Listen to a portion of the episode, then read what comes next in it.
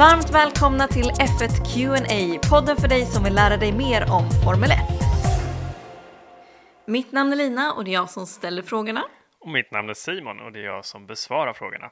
Hur trivs du i sommarsverige, Simon? Oh, ja men det är väl fantastiskt. Det har både varit eh, kallt och regnigt och jättevarmt och nästan tropiskt. Men eh, just nu befinner jag mig på mina föräldrars ställe vid en sjö i Västergötland. Och ja, livet är bra. Hur är det med dig i sommarsverige? Jo, men det är också jättebra. Vi har varit en vecka på Öland där jag spenderat mina somrar som barn, eller på säga. Men vi åkte alltid dit när jag var liten. Oh. Men nu har jag inte varit där på 11 år, så det var ju väldigt kul att få komma dit igen. Ja, vad roligt. Eh, och det är ju så fint alltså. Ja. Sverige är bra vackert alltså. Det är det. Jag, de skrattade åt mig när jag var på Öland här, för jag är ju uppvuxen på västkusten med klippor och bryggor. Eh, eh, jag tyckte det var konstigt att det inte fanns några, någon trall på de mest långa sandstränderna i, på Öland. Jag, inte, jag gillar inte det där. Det finns trall på vissa stränder, men ja. Ja, men en liten remsa. Men jag menar, jag vill ha alltså, några hundra kvadrat och ut i vattnet så man kan slippa sanden, tänker jag. Ja, du tänker så. Ja, nej, det finns inte. Ja. Nej, då, då kanske inte Öland är en grej då. Nej, alltså det är ju kul, men det är fint. Men nej, inte, det slår inte Bohusläns klippor i min värld. ja, jag gillar och för sig inte heller att man drar in massa sand överallt. Det, nej, det går bort. Men annars är det trevligt. Nu ska vi snacka kläder och annan utrustning som förarna har på sig. Precis, för att alla förare behöver typ samma overall. Ja, som jag har förstått det. Typ. Vad är den gjord av? Ja, ja, men egentligen är faktiskt allt som en Formel 1-förare har på sig under ett Grand Prix, från huvud till tår, gjort av ett material som heter Nomex. Nomex? Aldrig hört talas om. Vad, vad är det? Och varför ja, har man det?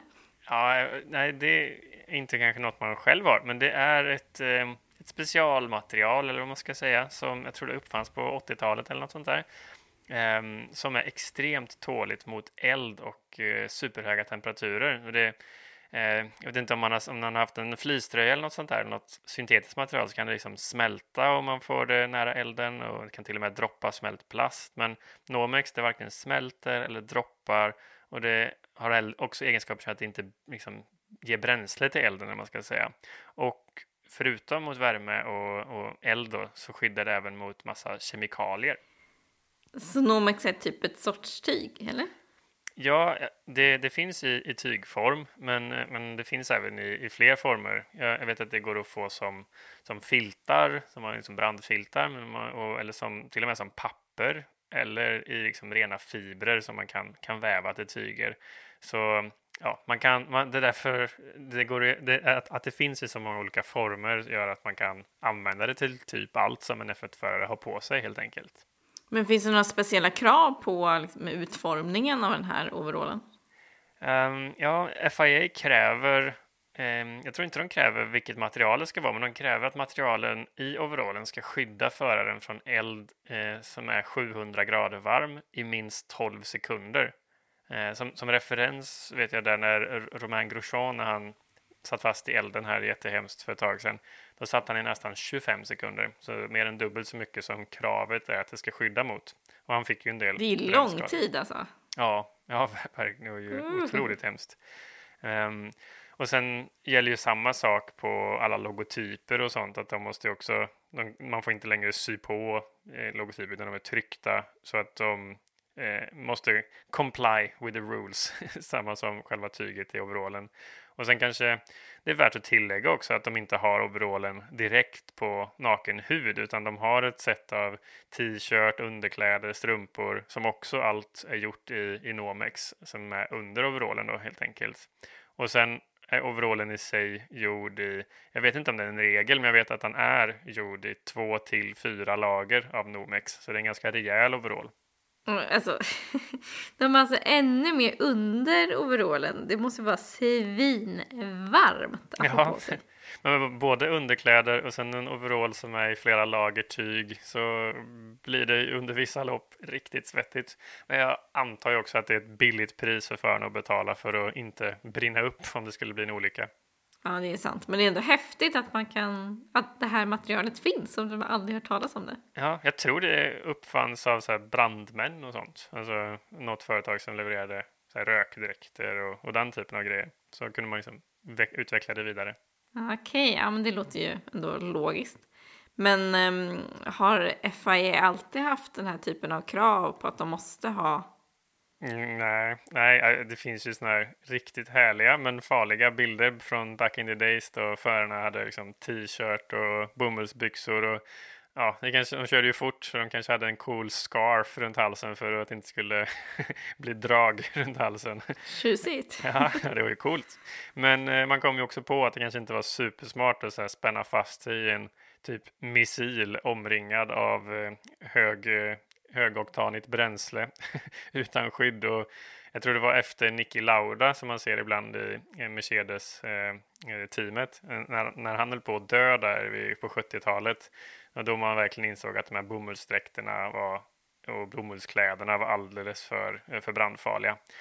Men då hade inte tekniken riktigt kommit så långt att det fanns de här Nomex-overallerna som körs med idag så jag vet att jag sett någon bild där från sent 70-tal efter Laudas hemska krasch där att, eh, att eh, de hade eh, liksom stora, riktigt obekväma dräkter som inte, som inte riktigt var så smidiga för förarna. De var nog ännu varmare kan jag tänka mig. Men jag tror det var typ teknik de lånade från NASA, som rymdteknik. Tjena, alltså det här känns som ett perfekt upplägg för oss att lägga ut på vår Instagram, F1 ja, Vi får söka efter Niki Lauda typ 79 kanske, när han var tillbaks efter skada. ja, men jag ska hitta både inför på 50-talet och sen så Niki Laudas, ja. eh, efter Niki Laudas där. Det är, snygg scarf. Absolut. Och, och sen NASA-dräkter. Ja. absolut. Det måste vi verkligen hitta. Ja. När ändrades det då? När slutade de med rymddräkterna? Typ. Um, det var FIA satte upp tydligare regler kring kläderna på 90-talet, tror det var 94. Uh, men, men sen har utvecklingen efter att det reglementet kom fram gått framåt, vilket gjort att kläderna både blivit eh, bekvämare för förarna men också säkrare och ja, speciellt då med, med Nomex som material. Då. Är, eller skulle säga att handskarna, är det också samma material? Um, ja, både underkläder och t-shirt, strumpor, overall, balaklava, handskar, allt är gjorda i Nomex. Men ibland så har man lagt till något mer material som just i, i handskarna vet jag att de har lite tunt lager av skinn på handflatan också för alltså läderskinn eh, för att få extra bra känsla i ratten liksom. Men, men principiellt är allt gjort i Nomex. Så hur funkar det här materialet om man skulle behöva kissa? För det känns som att det är en fråga som förarna får lite titt som tätt. Ja. ja, det är ju ganska svårt för dem att ta en kisspaus som man själv gör när man åker långt. Eh, så kissa i overallen är väl sista utvägen. Ehm, Sen är man väl kanske glad som förare att man har, vi har ju pratat om någon annan gång också, att loppen är ju faktiskt begränsade till två timmar. Jag tror inte vi tog upp det som en anledning till varför, men det kanske också är en anledning. um, att de vet att de, har man gått på toa innan så bör man hålla sig i två timmar. Men sen vet jag också att förarna har ju ganska, verkar det som, olika blåsor, olika resistance till att hålla sig.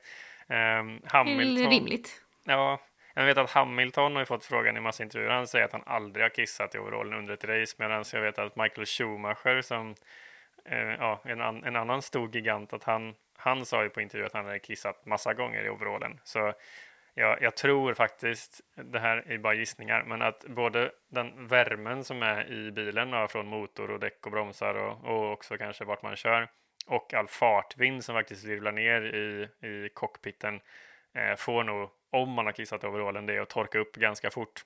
Så om man inte kan koncentrera sig för att man är kissnödig så är nog den här obekväma känslan av att kissa på sig värt uppoffringen ändå. Man eh, har gått in en och annan krona i att du faktiskt ska köra det här racet och en och annan timmes fokus också. Så det är väl billigt pris att kissa på sig lite. jag trodde aldrig jag skulle liksom, tänka att det var rimligt att kissa i en, ja, medan man kör F1. Men eh, nu får det ändå låta som det. Att, ja, men för fokusets skull så ja. har man offrat sig. Men eh, skorna, om vi ska tala vattentäthet, verkar ju kunna hålla i alla fall eh, dricka om man frågar Daniel Ricciardo. Ja. Men eh, Vad är Ja. det meningen att de ska skydda från? Jag antar att de inte ska hålla vätska egentligen. Ja, ja, ja men ja, när han har vunnit har han ju druckit. Vi får se om man får se det några fler gånger. Men, ehm, men skorna i sig är ju gjorda av en blandning av Nomex, läder och sen en sula av jättetunt gummi för att få liksom, bra grepp på pedalerna. Men den ska vara så tunn som möjligt så att så mycket liksom, känsla går vidare in i foten som möjligt. Men syftet med skorna är ju egentligen två saker. Det är ju att ge grepp och känsla för föraren, eh, men också att skydda mot brand. Så att det, det är de två primära bitarna. Hur mycket skulle du säga att kläderna och skorna och handskar och allt väger på ett ungefär? Alltså jag, jag vet faktiskt inte riktigt, men jag vet att jag har läst eller hört att overallen väger typ ett kilo. För jag, jag kommer ihåg att man sa när man tog bort att man sydde på liksom patches med logotyper, att man nästan sparade ett halvkilo på overallen när man bytte till print istället. Så om vi säger overallen typ ett kilo, då kanske med skor och handskar att det blir två kilo då. Nu är jag ute och killgissar lite här, men ish. Det är väl inte jättemycket ändå? Nej. Men, men det är ju säkert meningen också. De gör det säkert så lätt de kan utan att tumma på säkerheten. Såklart. Men finns det några regler kring hur hjälmen får utformas då? Ja, ja men hjälmen den, den är gjord av egentligen samma material som man bygger bilarna av. Det ytterhöljet är gjord av, av kolfiber. Och sen finns det massa regler kring hjälmen i sig, men i korthet så kan man väl säga att den ska vara stark nog att stå pall en krasch med en F1-bil, så det kan ju vara i 340 km i timmen. Eh, och man gör faktiskt krocktester med hjälmarna precis på samma sätt som med bilarna, så innan man får använda dem, så att man verkligen vet att de skyddar som de ska. Och mm, finns det ytterligare regler som är mer kopplade till användandet, att om hjälmen är med i en olycka eller rättare sagt om den har någon som helst skada på sig så måste man ersätta den till nästa race. Vilket gör att eh, jag läste att förarna eh, gör av med, eller man ska säga, ungefär 15 hjälmar på en säsong. Och ser man att en F1-hjälm, ja, ish, kostar runt 50 000 kronor, så gånger 15 så blir det ändå en slant bara för lilla hjälmen. Ja, sjukt. Alltså det, det är typ en dröm att typ, inte ärva, men att eh, förvärva en En F1-hjälm. F1-hjälm som har varit eh, Det som körts fin med. memorabilia, eller vad man säger, i garaget. Verkligen. De kostar nog mer än 50 000 second hand skulle jag gissa. Mm, Ja, ja, men det är nog inte omöjligt. Det måste man ju kunna Nej. kolla. Typ. Borde ju finnas på Ebay eller något sånt. Någon Ja, som auktionerar ut. Faktiskt. Men eh, när ändrades eh, riktli- riktlinjerna senast Alltså kring jag, hjälmen? Jag vet inte. Den senaste jag känner till om hjälmen handlade faktiskt mer om det estetiska. För jag vet att man vid, i 2015, där, för sju år sedan, att man, man tyckte att det var krångligt för förarna ändrade utseende på hjälmarna hela tiden. Så att fansen kunde liksom inte med hjälmens hjälp hålla koll på vem som var vem i ett team. Utan eh, då gjorde man en regel att man eh, får, måste, man måste ha, det står något, jag tror de säger någonting i stil med att så här, eh, majoriteten av hjälmdesignen måste vara oförändrad under säsongen. Och sen har förarna ett race då de får go nuts och göra någonting helt annat. Kanske typ sitt hemmarace eller något, något sånt där. Eh, men att, eh, alltså det var mer på det estetiska och det var 2015. Okej, alltså, okay. det har jag aldrig riktigt reflekterat över för jag har tänkt att de byter hjälm lite, alltså design lite hipp. Men det stämmer ju faktiskt att de har ju kvar oftast standard, alltså Ja, men man känner igen Daniel Ricciardo så man känner igen Lewis. Hamiltons. Ja, exakt. Ja, Ja, men okej. Jag vet inte exakt hur mycket, men det, det står, det är någonting sånt, i alla fall som journalisterna som rapporterade om det, de skrev i, i, liksom i vanliga ord istället för de här byråkratiska reglerna, att, att det var typ att i huvudsak ska designen vara oförändrad under säsongen. Och sen kan man då få göra en crazy. Exakt, och då kanske det, eftersom det blir en gång, så kanske ändå kommentatorerna pratar om det, så då kommer fansen ändå hålla koll på att det är Pierre Gasly som kör med franska flaggan på hjälmen på hemmaracet, eller vad det nu kan tänkas vara. Det var väl någon som körde eh, när de var i USA, eh, när det såg ut som en eh, basketboll va? det kanske, det tänkte typ jag inte på Albon faktiskt. eller någon. Ja. Nej, det... eller kanske var Norris. Nej, jag kommer faktiskt inte ihåg, men eh, det var lite frält tycker Ja. jag. Men då, då borde han ju ha spelat sitt sånt kort för den här säsongen då. Ja men precis, man får ju hoppas bara för det ska, alltså PR-mässigt så vill man ju inte tajma in det med någon annan. Nej, men exakt. ja, det, alla gör en ont samtidigt. Men det fin- de har ju på sig någon sån här slags typ rånarluva på sig Ja. inuti hjälmen. Vad är det för något? Ja, men det kommer jag varför ihåg. har de det? Kommer jag ihåg att jag undrade också när jag såg första gången varför de hade den. Ehm, för jag hade ju åkt massa sån hyrgokart och då får man ju ett hårnät. Ehm, men det är ju mer av hygieniska skäl. Jag tänkte att det känns ju rimligt att de ändå har privata hjälmar så det borde inte vara av samma anledning. Men eh, efter lite, lite mer tid i gamet så att säga så har jag får lärt mig att det heter balaklava. Ehm, och det är också endast för brandskyddet. Ehm, det är någon gjord av Nomex och täcker hela huvudet förutom ett hål för näsa och ögon. Och resten finns där för att skydda ansiktet som är ju väldigt jobbigt att bränna såklart. Ja, just nej, men det, det vackra ansiktet vill man inte röra. Men eh, de kommunicerar ju också med sitt team med någon Mm. form av mikrofon. Var sitter den någonstans? Ehm, ja, men de flesta har faktiskt mikrofonen insydd eller invävd eller vad det nu är i balaklavan. Och sen så är det en sladd och så kombinerat med, eh, med in-ear-pluggar liksom, typ Apple AirPods fast, fast bättre. och ehm, ja, eh, jag har också hört att det finns förare som kör dem i hjälmen för att de föredrar det. Att det liksom kliar typ eller något att ha mikrofonen mot eh, huden. Ehm, Eh, Och det är så man också kör på lägre divisioner, typ F2 och sånt, för det är billigare att den sitter i hjälmen. För jag gissar att de tar en fräsch balaklava varje, varje race. Men hjälmen kan man, så länge man inte kraschar, kanske köra med många race, så behöver man inte byta mick varje gång. Just det. Men eh, förarna dricker väl också vatten genom hjälmen? Var Ja. sitter den någonstans? Men Det, det är, jag har faktiskt inte sett det själv, men jag vet att det sitter ett hål i hjälmen precis vid munnen och så stoppar man liksom in ett speciellt sugrör eller slang eh, som, att man kan, som man kan dricka. Och det är ju sjukt viktigt att det systemet funkar för att den, eh, om de inte kan dricka när de har så mycket kläder och det är så varmt så kan de snabbt bli uttorkade och trötta, göra misstag eller ja, i värsta fall krascha helt enkelt. Nej, det, det vill man ju inte. På grund av vattenbrist. Nej, Eh, men sen finns ju också sån här vad man ska säga. Den, man ser att de liksom, hjälmen eh, typ knäpps fast i någon liten krage som de har Mm. runt nacken. Ja men precis. Vad är det för något? Det kallas för Hans. Och Det är inte någon gubbe som heter Hans, utan det står för Head and Neck Support. Ehm, är som, som du säger, som en U-formad eh, eh, krage som man sätter på förarens axlar. Och den är gjord i kolfiber, så den är väldigt lätt och stark. Ehm, och huvudfokuset med den är just att hjälmen sitter fast i den här ramen och med så här ela- elastiska band och sen om man krockar så liksom begränsar den kopplingen eh, nackrörelserna. För då orkar man inte hålla upp huvudet om man har en tung hjälm. Så innan Hans kom, så, och inte gubben Hans utan ja, head and neck protection, så eh, fanns det tillfällen då förare krockade och så bara slungades huvudet med hjälmen fram in i ratten och så ja, det finns förare som har avlidit av den biten. Så ja, det, det var bra att man kom på det.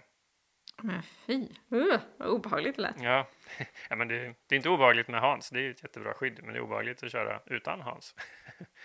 Uh, verkligen. Eh, I vanliga bilar men- har vi ju airbags, som, men det har man ju inte i F1. Så då blir det en annan Nej, lösning. såklart. Just det.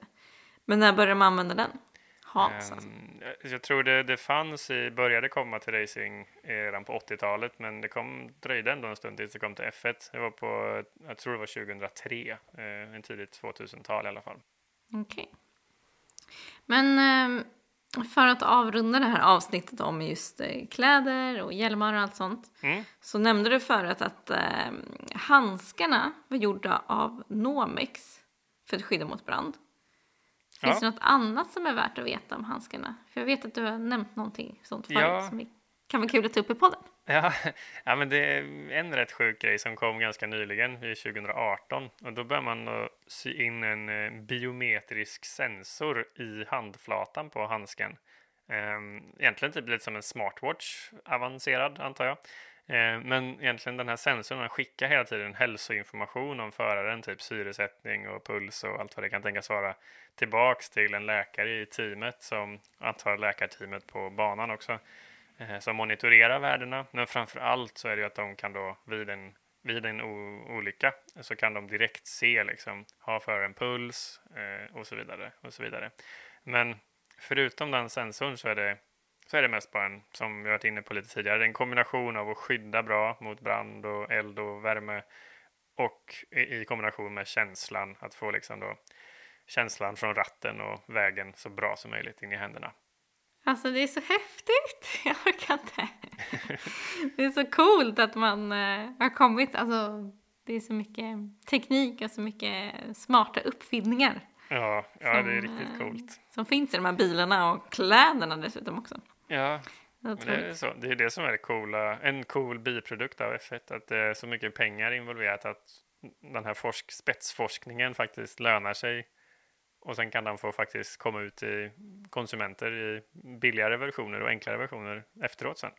Verkligen, man är tacksam för att uh, utvecklingen just går framåt. Mm. Precis. Att, uh, även vi kanske får ta del av det i framtiden, även om jag inte vet varför det skulle vara intressant för oss att ha en sensor på våra händer. Ja, men, men du har ju en på din arm Lina. Det kanske ändå tekniken, den kom ju långt efter. Nej, i och för sig. Apple Watchen kom ju före det här, men ja, skitsamma. ja, jag önskar att jag visste vad min Apple Watch var. Min, min kära dotter lekte med den och sen har den varit borta.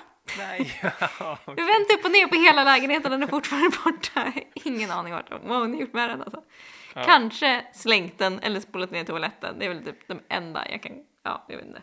Ja, det, är det var en, eh, en dyr soppåse i så fall. Det var det. Förhoppningsvis kommer den fram när vi flyttar.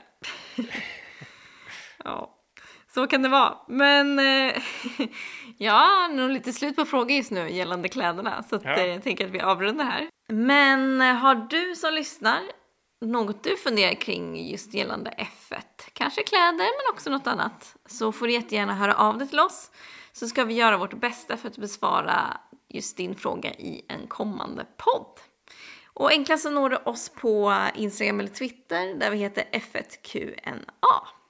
Så tack så jättemycket för att du har lyssnat så får ni ha det så bra, både ni som lyssnar och du Lina. Tack detsamma Simon. Ha det fint, hej hej! Hej då!